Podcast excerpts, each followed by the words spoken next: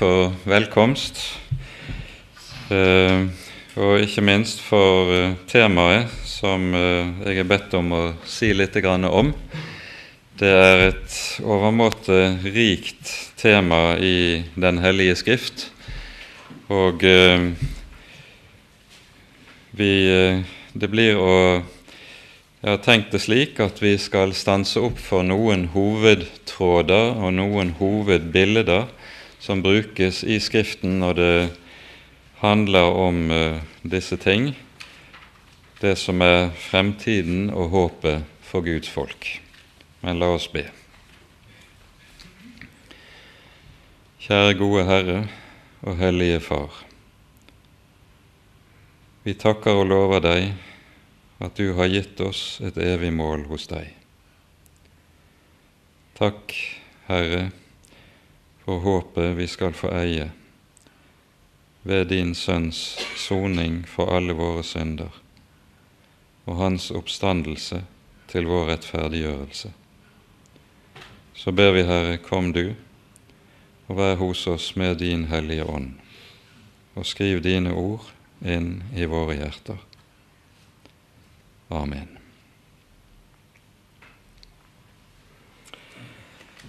Jeg hadde tenkt at vi skulle begynne eh, denne timen vi skal ha sammen, i Hebreabrevet, i det ellevte kapittelet. Her hører vi om fedrene som alle sammen ble frelst ved tro. Det understrekes veldig sterkt i eh, brevene i Det nye testamentet at det var ikke sånn at de i den gamle pakts tid ble frelst ved gjerninger, og så hører troen den nye pakt til. Tvert om, de ble frelst ved tro også i den gamle pakt. Og Her i Hebreerne 11 leser vi om Abraham. Og Vi leser da fra vers 8 og noen par vers utover. Ved tro var Abraham lydig da han ble kalt, så han dro ut til det sted han skulle få til arv, og han dro av sted uten å vite hvor han skulle komme. Ved tro levet han i løftets land, som i et fremmed land. Han bodde i telt sammen med Isak og Jakob, som var medarvinger til det samme løftet. For han ventet på byen med de faste grunnvoller, den som har Gud til byggmester og skaper. I vår bibel så kalles Abraham de troendes far. Og det er meget i Abrahams liv som også er forbilledlig, eller forbilder for oss når det gjelder det som har med troens liv her i verden å gjøre. Her i Hebreane 11 understrekes to ting. For det første oppbruddet. Det å kalles av Herren for å høre Ham til, det innebærer et oppbrudd, og det gjør det alltid. Det er ikke noe som uh, gjelder bare enkelte av de uh, som fikk en særlig betydning i frelseshistorien. Men oppbruddet hører i en viss forstand med alltid til det å høre Herren til.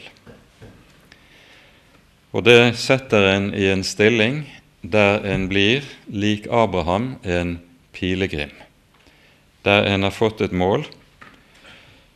Vi eh, hører det sies om ham han ventet på byen med de faste grunnvoller, den som har Gud til byggmester og skaper. Dette oppbruddet det ser vi også i Det nye testamentet tegnes som en grunnleggende del av evangeliet, av frelsesverket.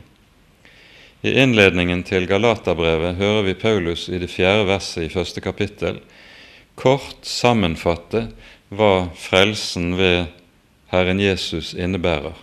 Det sies der han frelste oss fra våre synder med sitt blod og fridde oss ut av den nåværende onde verden. Altså, og her er det ordet som er oversatt med 'verden', det er det greske ordet 'aion', som betyr tidsalder. Av den nåværende onde tidsalder skulle det kanskje helst vært oversatt med. Og det innebærer da også at det uttrykket som vi hører gjentas i flere sammenhenger i Det gamle testamentet, det blir en grunnbestemmelse på mange måter på en kristen her i verden. Vi er utlendinger og fremmede hos deg, sier David i første krønikabok, kapittel 29, i sin store takkebønn som vi kan lese i dette kapitlet. I eh, det trettende verset her i Hebreane 11 hører vi det også sies I tro døde alle disse, uten at de hadde oppnådd det som var lovd. Men de hadde sett det langt borte, og de hilste det. Og de bekjente at de var fremmede og utlendinger på jorden. Nå sies det i det som vi har lest i det tiende verset, at Abraham ventet på byen med de faste grunnvoller. Og Her ligger nok en bestemt tekst i Salmenes bok bakom, nemlig Salme 107, som taler om uh, i de første ni versene så tales det der om Israels ørkenvandring, men det tales om uh, dette på noe av samme vis, eller samme sett, som vi hører her i Hebreabrevet kapittel 11. Og Vi skal lese et par vers her fra Salme 107. Den begynner med en lovprisning til Herren, som har gjenløst forløst og samlet sitt folk. Og så hører vi det står fra vers 4. De for vill i ødemarken, på ørkenstier, de fant ikke en by de kunne bo i. De var sultne og tørste, og deres sjel visnet i dem. Da ropte de til Herren i sin nød, og av deres trengsler fridde han dem ut. Og han førte dem på rett vei så de gikk til en by de kunne bo i. De skal prise Herren for Hans miskunn og for Hans undergjerninger mot menneskenes barn. For Han mettet den tørstende sjel og fylte den hungrende sjel med godt. Dette står i motsetning til når vi hører om byen med de faste grunnvoller, til det som var Abrahams situasjon. Han levet i telt hele sitt liv. Han levet med løse teltplugger i ordets mest bokstavelige forstand. Han var nomade. Og nettopp denne motsetningen mellom teltet og det som har faste grunnvoller, det er noe som brukes som bilde i uh, andre Korinterbrev i det femte kapittelet. Og Her tales det om den enkelte troende og hans kropp her i verden. Paulus skriver vi vet jo at om det telt vi lever i på jorden, blir brutt ned, så har vi en bygning som er gjort av Gud, et hus som ikke er gjort med hender, evig i himmelen. Her taler han om kroppen vår som et telt som brytes ned. Og slik er livet her i verden betraktet. Mens foran ligger altså en by med faste grunnvoller. I en midrasj, det er en jødisk kommentar til eh, Bibelen, eh, en kommentar til eh, Første Moseboks første kapittel, så er det en eh, disippel av en rabbiner som spør sin mester følgende når det gjelder første verset i Første Mosebok. I begynnelsen skapte Gud himmelen og jorden. Han spør hvorfor står det at Gud skapte himmelen først og jorden etterpå. Jo, svarer rabbineren, det er fordi Gud går frem som en vis byggmester. Han legger grunnvollen først. Så altets grunnvoll ligger i himmelen, ikke på jorden, i det vi kan se og ta og føle på.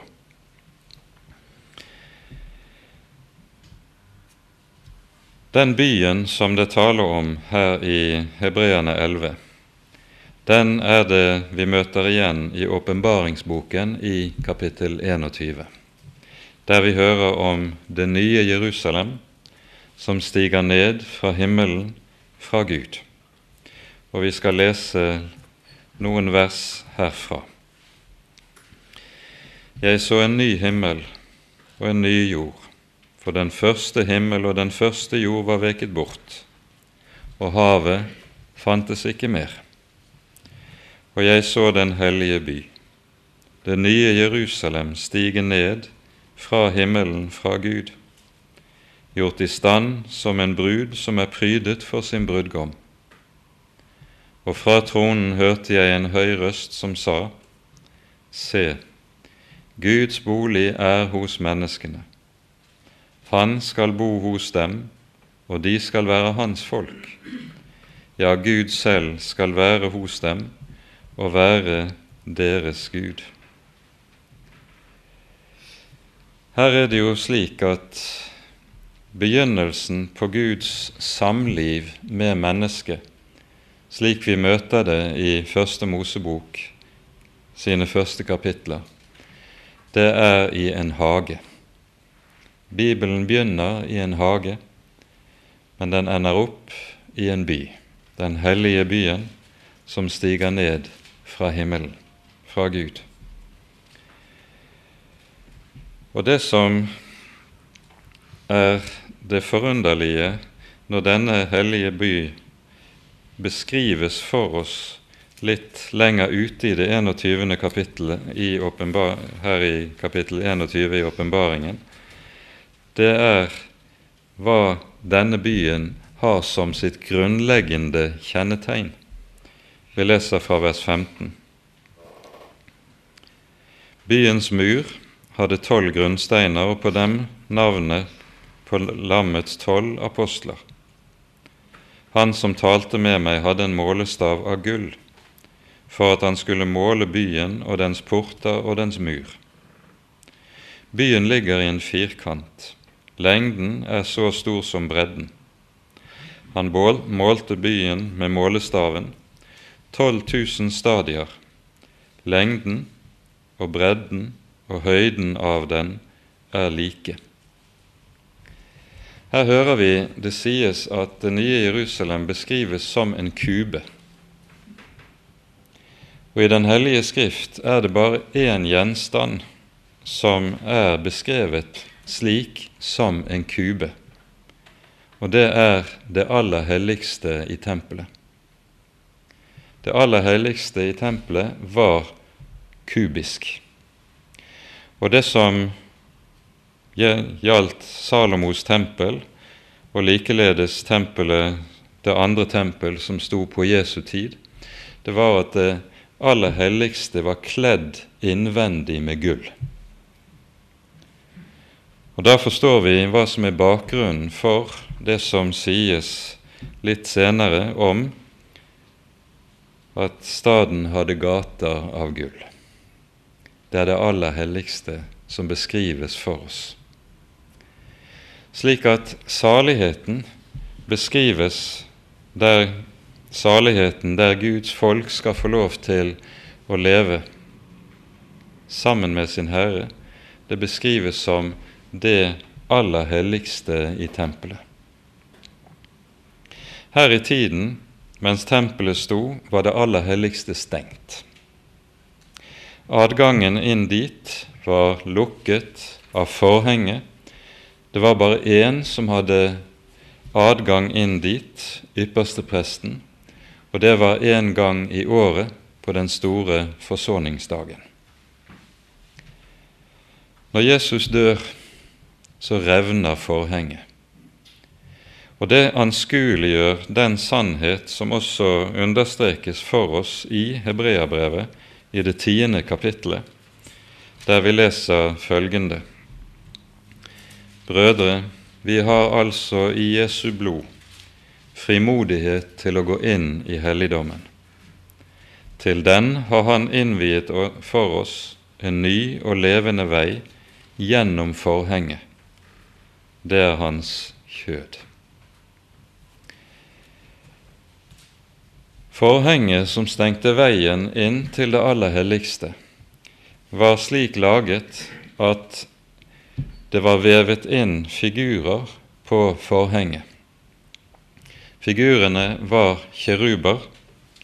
Kjerubene var jo de som var smidd i rent gull og sto i ett med nådestolen på paktens ark. Men kjerubene var også avbildet på forhenget som stengte veien inn til det aller helligste.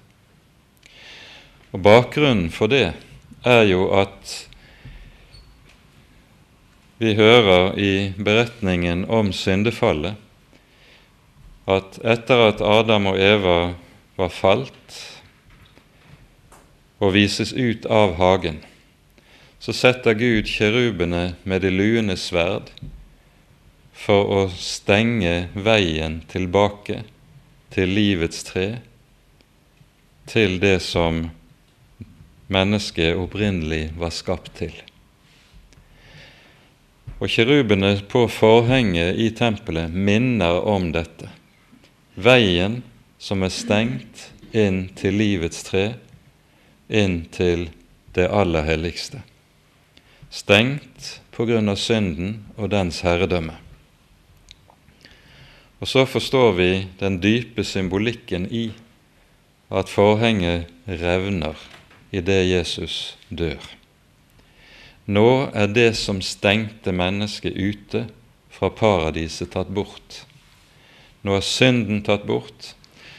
Nå er synden med alle dens konsekvenser dømt, og så er adgangen åpnet på ny. Det er det som ligger i billedbruken her. Derfor er det også vi leser, som vi kan høre det i en annen salme i Salmenes bok, et meget sterkt løfte som gjelder den hellige byen, som vi her har hørt om i åpenbaringen, kapittel 21. Vi leser fra Salme 87.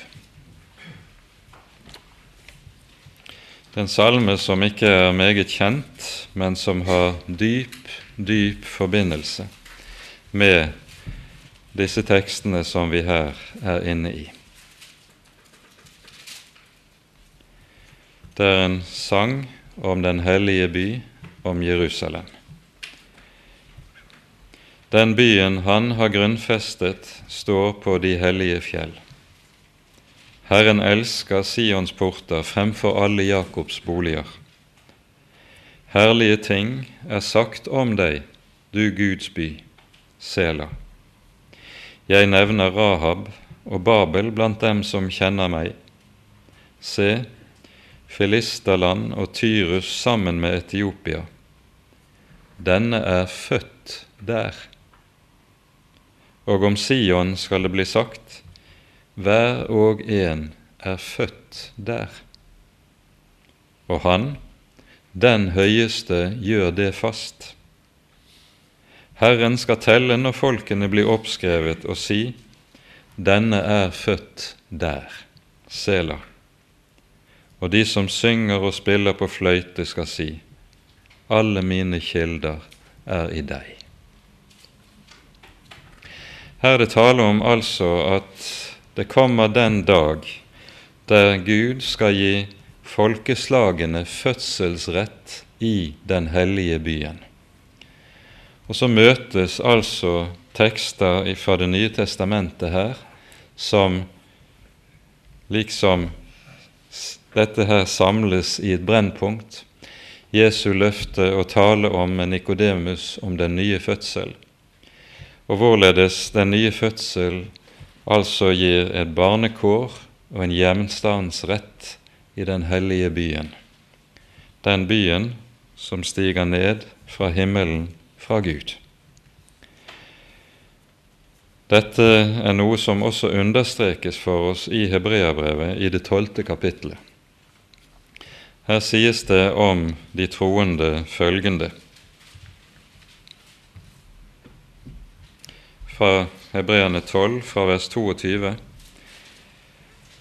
Men dere er kommet til Sions berg, til den levende Guds by, det himmelske Jerusalem, til englenes myriader og til høytidsskaren, og til menigheten av de førstefødte som er oppskrevet i himlene, og til en, dom, en dommer som er alles Gud, og til de fullendtes rettferdige ånder, og til Jesus, mellommannen for en ny pakt, og til bestenkningens blod som taler bedre enn Abels blod.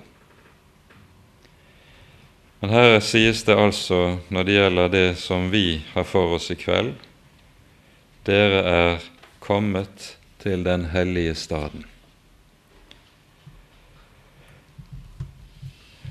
Og så sies det altså denne har de faste grunnvoller.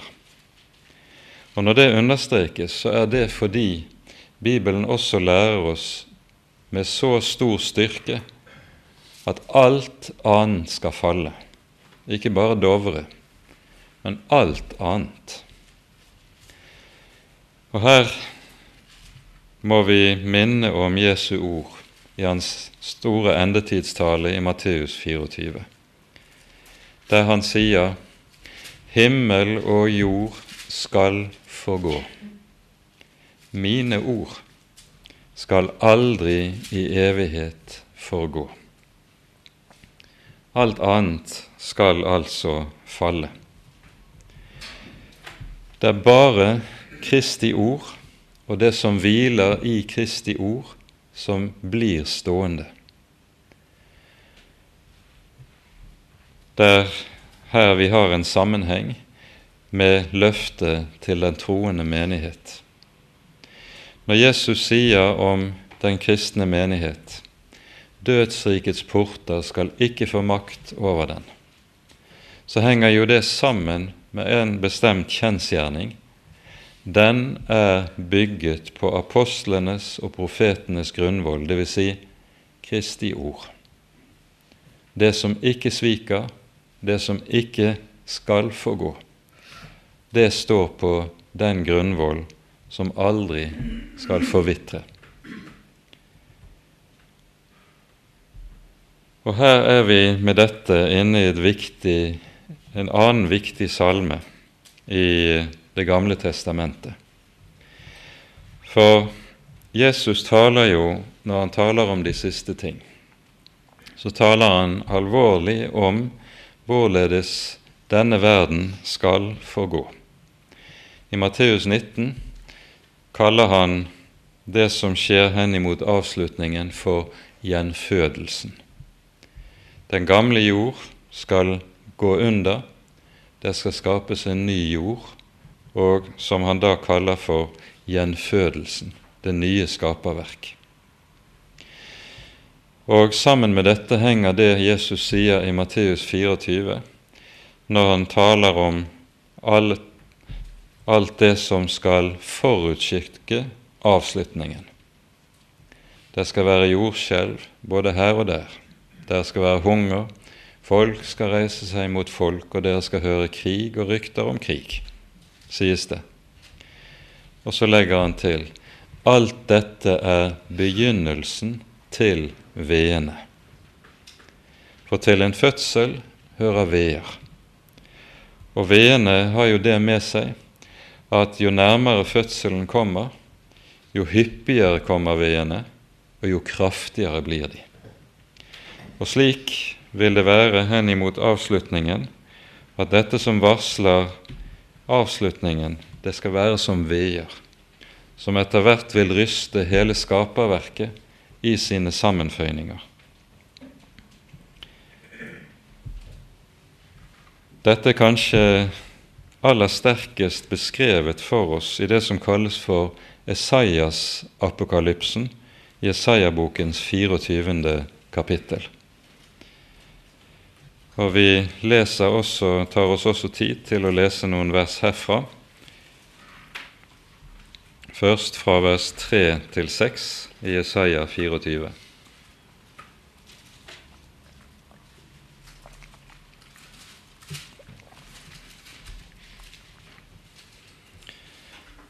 Tømmes, ja, tømmes skal jorden, og plyndres, ja, plyndres, for Herren har talt dette ord.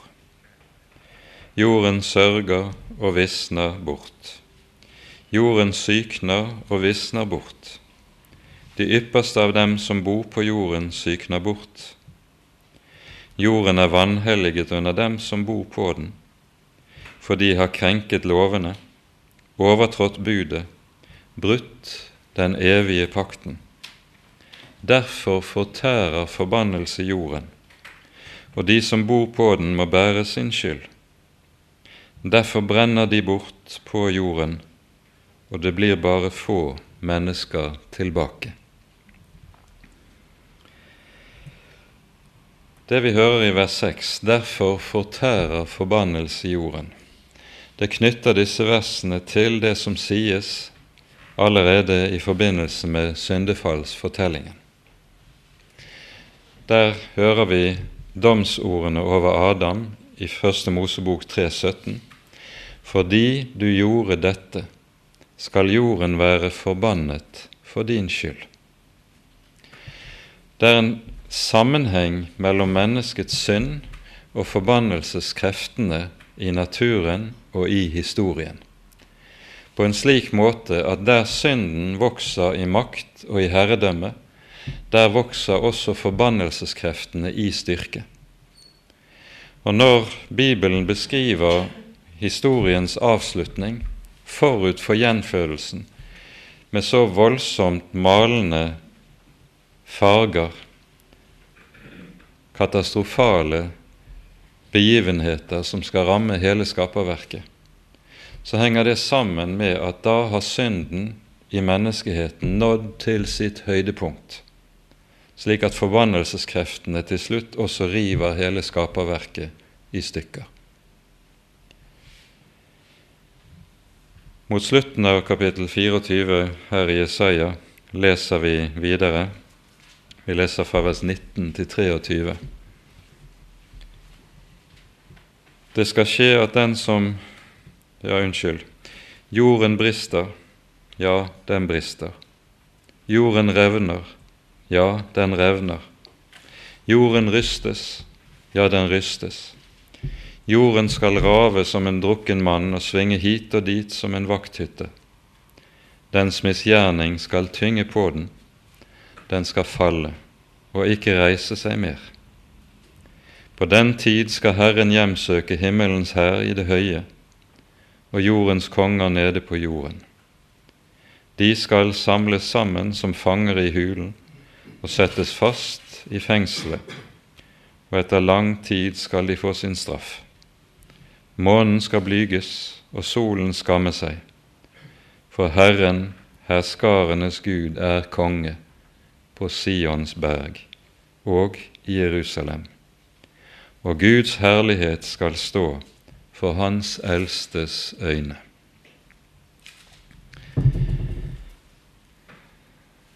Dere er alle fortrolige med og vet at slik taler Bibelen om historiens avslutning. Himmel og jord skal forgå, det er bare ett som ikke skal forgå. Og det er det den kristne tro og det kristne håp hviler i og er bygget på. Og Da er det vi må gå til Salme 46. som er en overmåte sentral salme i den sammenheng vi her er inne i.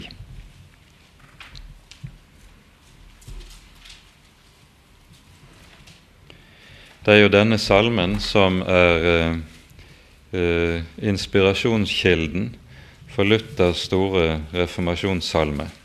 Vår Gud, han er så fast en borg.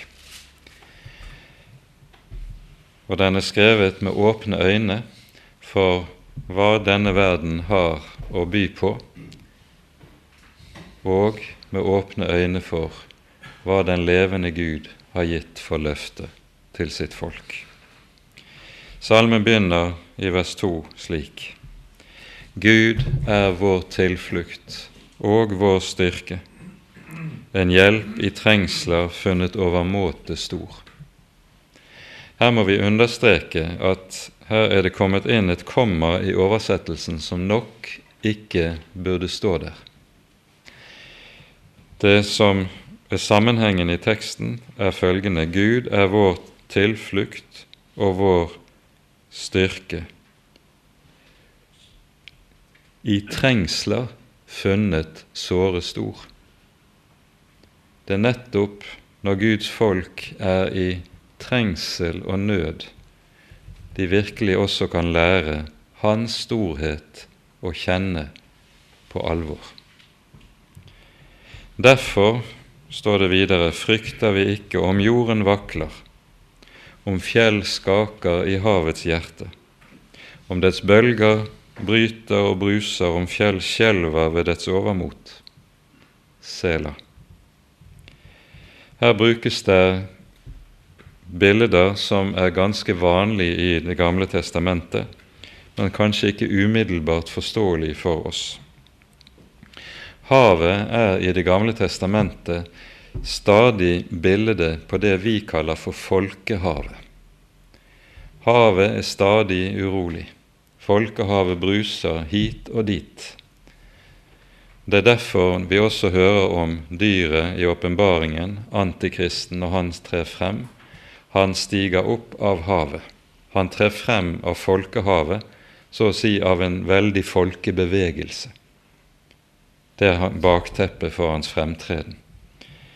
Og så bruser folkehavet i stor uro, sånn som vi hører det. Fjellene, som det står om her, som skjelver i havets hjerte, det er bildet på kongemakten, fyrstene og de mektige, når folkehavet virkelig blir urolig, da blir også de mektige bange. Og så hører vi om Guds folk. Der gjelder det noe annet. Hos dem er det en liten bekk, en strøm. Dens be bekker gleder Guds by, den høyestes hellige bolig. Gud er midt i den, den skal ikke rokkes. Gud hjelper den når morgenen bryter frem. Folkeslag bruste, riker ble rokket, han lot sin røst lyde, og jorden smeltet. Herren, herskarenes Gud, er med oss. Jakobs Gud er vår faste borg. Her tror jeg det beste bildet på det vi møter her, det er noe av det vi kan lese om i forbindelse med Israels utgang fra Egypt. Vi hører i 2. Moseboks tiende kapittel om landeplagene. Og Den niende landeplagen består i at Gud lar et veldig dypt mørke ramme Egyptens land. Mørket var så dypt at ingen kunne finne frem og ikke kunne ta hånd for seg. Men så sies det i Gosen, der Israel bodde, der var det lys. Det er så å si det samme vi møter her i Salme 46. Den veldige uro i folkehavet, og så er det ett sted der er lys. Jesus peker på det samme i sin store endetidstale i Lukas eh, 21. kapittel, der vi hører om hvorledes havene skal bruse og folkene beve i angst over det som rammer jorderiket. Og så sier Jesus, når alt dette skjer, da løft deres hoder, for deres forløsning stunder til. Folkene bever i angst, men Guds folk behøver ikke det. Hvorfor? De har en fast by. De har et løfte. De har det som holder også når himmel og jord forgår. I Gosen var det lys. Og så kan vi synge 'Vår Gud, han er så fast en borg', nettopp i møte med alt dette. Om vi nå vender tilbake til åpenbaringsboken kapittel 21, den by som har de faste grunnvoller, som kommer ned fra himmelen, så skal vi for det første være klar over at når Bibelen beskriver det nye skaperverk og sier at det nye Jerusalem det er noe som kommer ovenfra, så er tankegangen dette som vi ser i en rekke sammenhenger i Bibelen. At det som er av Gud, det som er født av Gud, det kommer ovenfra.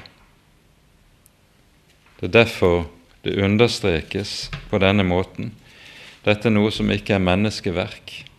Dette er ikke noe som er resultat av hva mennesker kan gjøre eller få til. Det er skapt av den levende Gud. Det er født ovenfra. Like som alt som er sant kristent, det er født ovenfra. I Guds rike gjelder aldri menneskeverk, ikke på noe område. Vi sa at det nye Jerusalem er tegnet i form av det aller helligste i tempelet. Hvem var det som hadde rett til å gå inn i helligdommen i den gamle pakt? Det var utelukkende Arons sønner, prestene. De var skilt ut fra folket for å høre Herren til. Og i åpenbaringsboken så skildres nettopp den frelste skare som kongedømme av prester. Når du f.eks. i åpenbaringsboken syvende kapittel hører om den store, hvite flokk som står for tronen, disse som er kledd i de hvite kjortler, så er det prestedrakten i tempelet. Den var ren og skinnende hvit lin. Så her står folket av prester, det kongelige presteskapet, som Bibelen taler om. Vi kan minne om at dette understrekes allerede i innledningen til åpenbaringsboken i det første kapitlet. Her sies det om Herren Jesus når han hilser de syv menigheter så er det en hilsen fra Han som var, og som er, og som kommer, fra åndene, de syv ånder som er for Guds trone, og fra Jesus Kristus, det troverdige og sandrue vitne, herskeren over kongene på jorden, som løste oss fra våre synder med sitt blod, og som gjorde oss til et kongerike, til prester for Gud, sin Far. Ham være æren i evighet.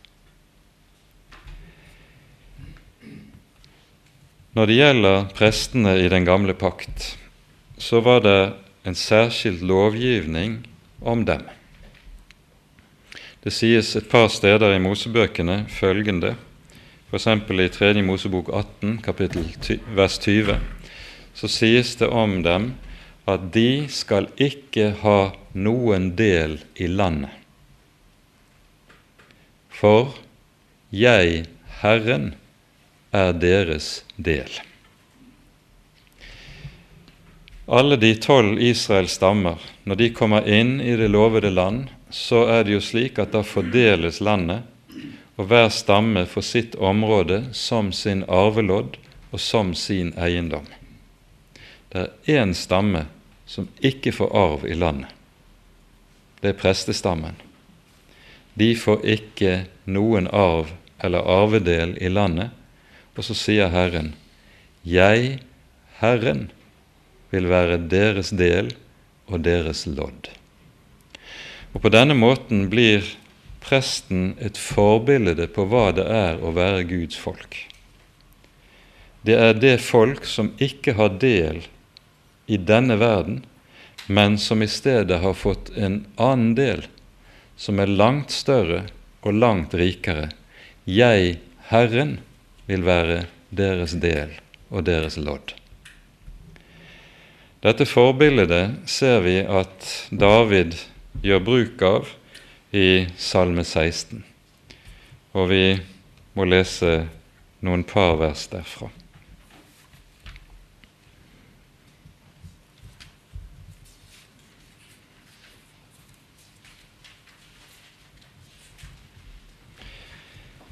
En gyllen sang av David innledes denne salmen med, og den er virkelig en gyllen sang.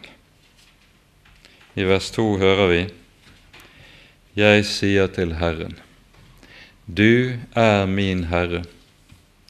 Jeg har intet gode utenfor deg. Det sier noe om hvilket forhold han har til denne verden. Og så, i vers 5 og vers 6 følgende Herren er min tilfallende del og mitt beger. Du bevarer min arvelodd, står det i nåværende oversettelse. Du gjør min lodd herlig, sto det i den gamle. En arvedel er tilfalt meg på fagre steder, ja, jeg har en herlig arv. Her anvender David dette bildet av presten som ikke har del i denne verden, men som har fått Herren som sin del og som sin lodd. Det er det samme vi møter i Salme 73, som eh, er en kjær salme for mange troende. Her hører vi om hvorledes Asaf anfektes over den nød Guds barn har her i verden, mens det motsatt er slik at det ser ut til at de ugudelige lykkes så altfor godt. Hvorfor skal det være slik? Og så er det han finner svar og finner hjelp nettopp i det bildet som vi her har når det gjelder prestens kår. Vers 23.: Jeg blir alltid hos deg, Herre. Du har grepet min høyre hånd. Du leder meg ved ditt råd, og deretter tar du meg opp i herlighet. Hvem har jeg ellers i himmelen? Og når jeg bare har deg, begjærer jeg intet på jorden. Dette beskriver altså det grunnforhold det troende mennesket får til det som hører denne verden til i det han vet hva som er det egentlige. Man har i forkynnelsen talt mye om hvorledes evighetsperspektivet etter hvert er blitt borte. Forkynnelsen ser ut til å ha blitt mer og mer opptatt med ting som har med det dennesidige å gjøre, mens Bibelens evighetsperspektiv blir borte. Via disse bildene som vi her har vært inne i, så settes der både et lys på en kristens forhold til verden som vi lever i. Det er en verden som kommer til å falle sammen som et korthus. Og så spørs det hvor er det en kristen har sitt hjerte. Det rent prinsipielle når det gjelder disse tingene, det taler Paulus om i 1. Korinterbrev 7. kapittel. Hvordan skal en kristen forholde seg til denne verdens ting? Vi leser fra vers 29 til 31. Dette sier jeg, brødre, tiden er kort. Heretter skal de som har kone, være som de som ikke har, de gråtende som de som ikke gråter, de glade som de som ikke gleder seg, de som kjøper som de som ingenting eier, de som bruker verden som de som, de som ikke bruker den, for denne verdens skikkelse forgår. Jeg vil gjerne at dere skal være fri for bekymring. Vi skal bruke denne verden. Den er Guds gode skaperverk, men samtidig er en kristen ikke bundet, men fri i forhold til den. Det er perspektivet som Paulus legger på dette, og som vi er blitt minnet om f.eks. i prestens forbilde. Vi skal slutte med å peke på det som også lyder til oss i åpenbaringen i kapittel 21, og for så vidt i flere sammenhenger i åpenbaringen. Vi leser vers 5 7 i kapittel 21.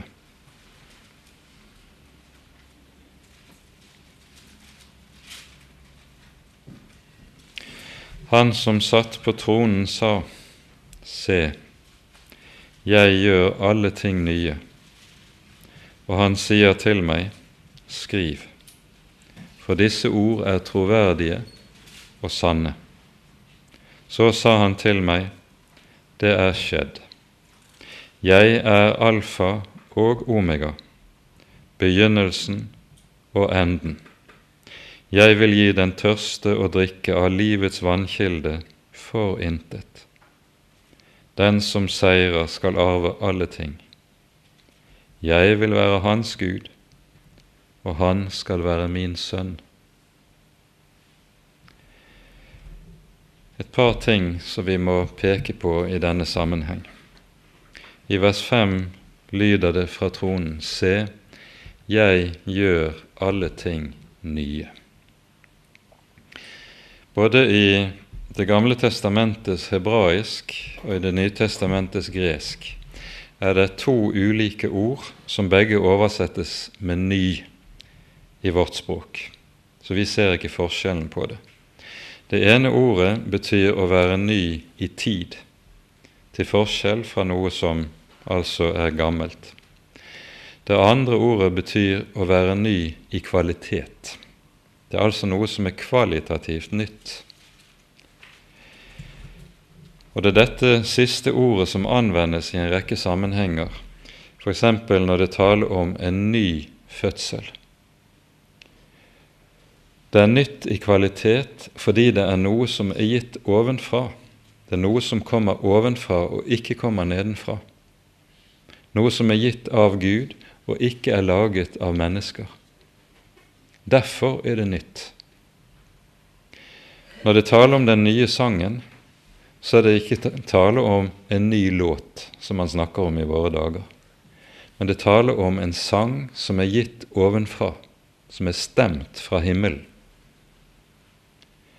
Og det samme som ligger her også. Jeg gjør alle ting nye. Det er ingen forbannelse lenger. Det er ingen død lenger. Det er ingen sorg, ingen skam, ingen synd.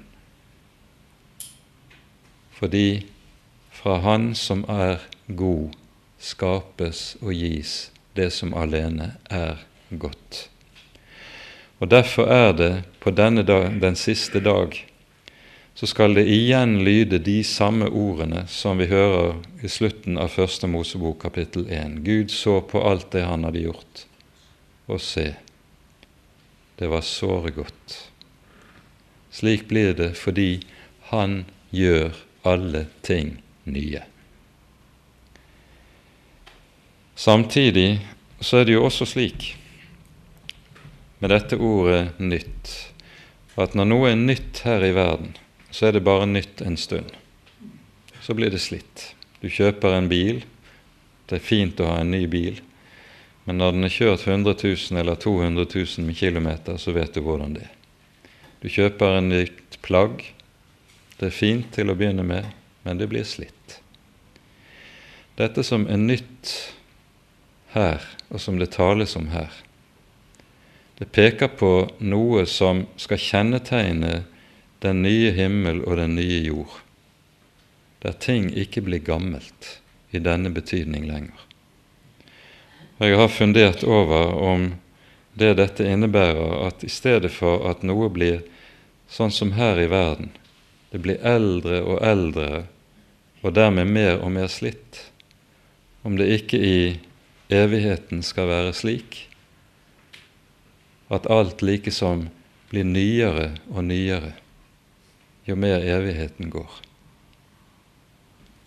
Vi kan ikke forstå det, men det sier litt Jeg sier dette bare for å peke på at her står vi overfor noe som vi egentlig ikke kan gripe med vår forstand her i tiden.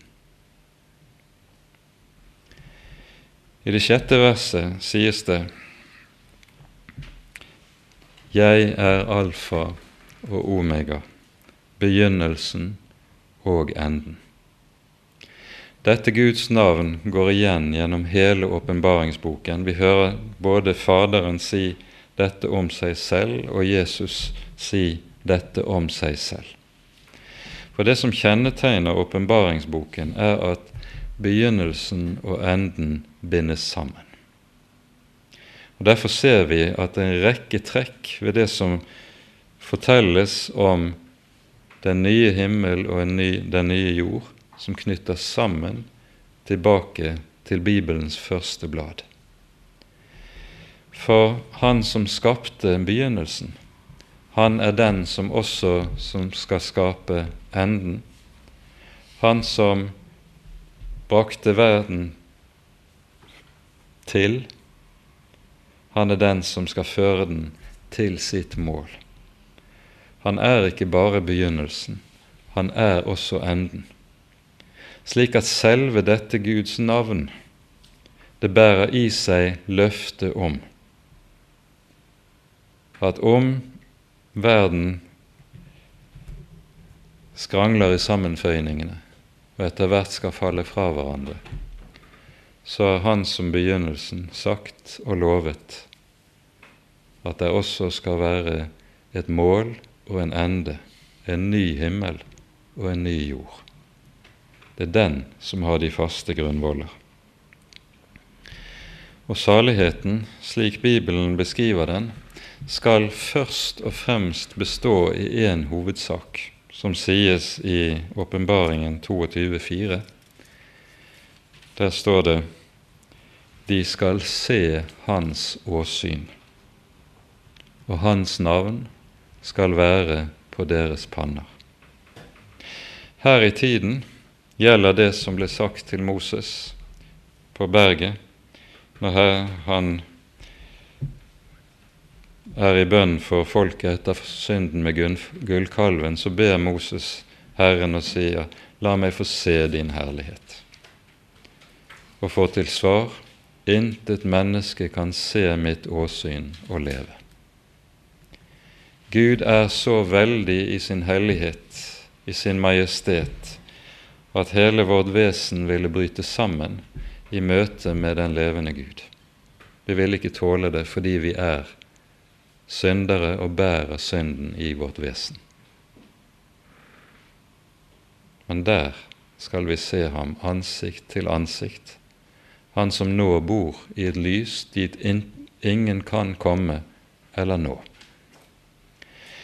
Og når det gjelder dette syn, sies det i 1. Johannes brev kapittel 3.: Dere elskede, nå er vi Guds barn, men det er enda ikke åpenbart hva vi skal bli. Men vi vet at når Han åpenbares, skal vi bli ham like. For vi skal se ham som han er. da er mennesket blitt det det var skapt til, skapt til Guds bilde. Så ble vi ham like ved å se ham som han er.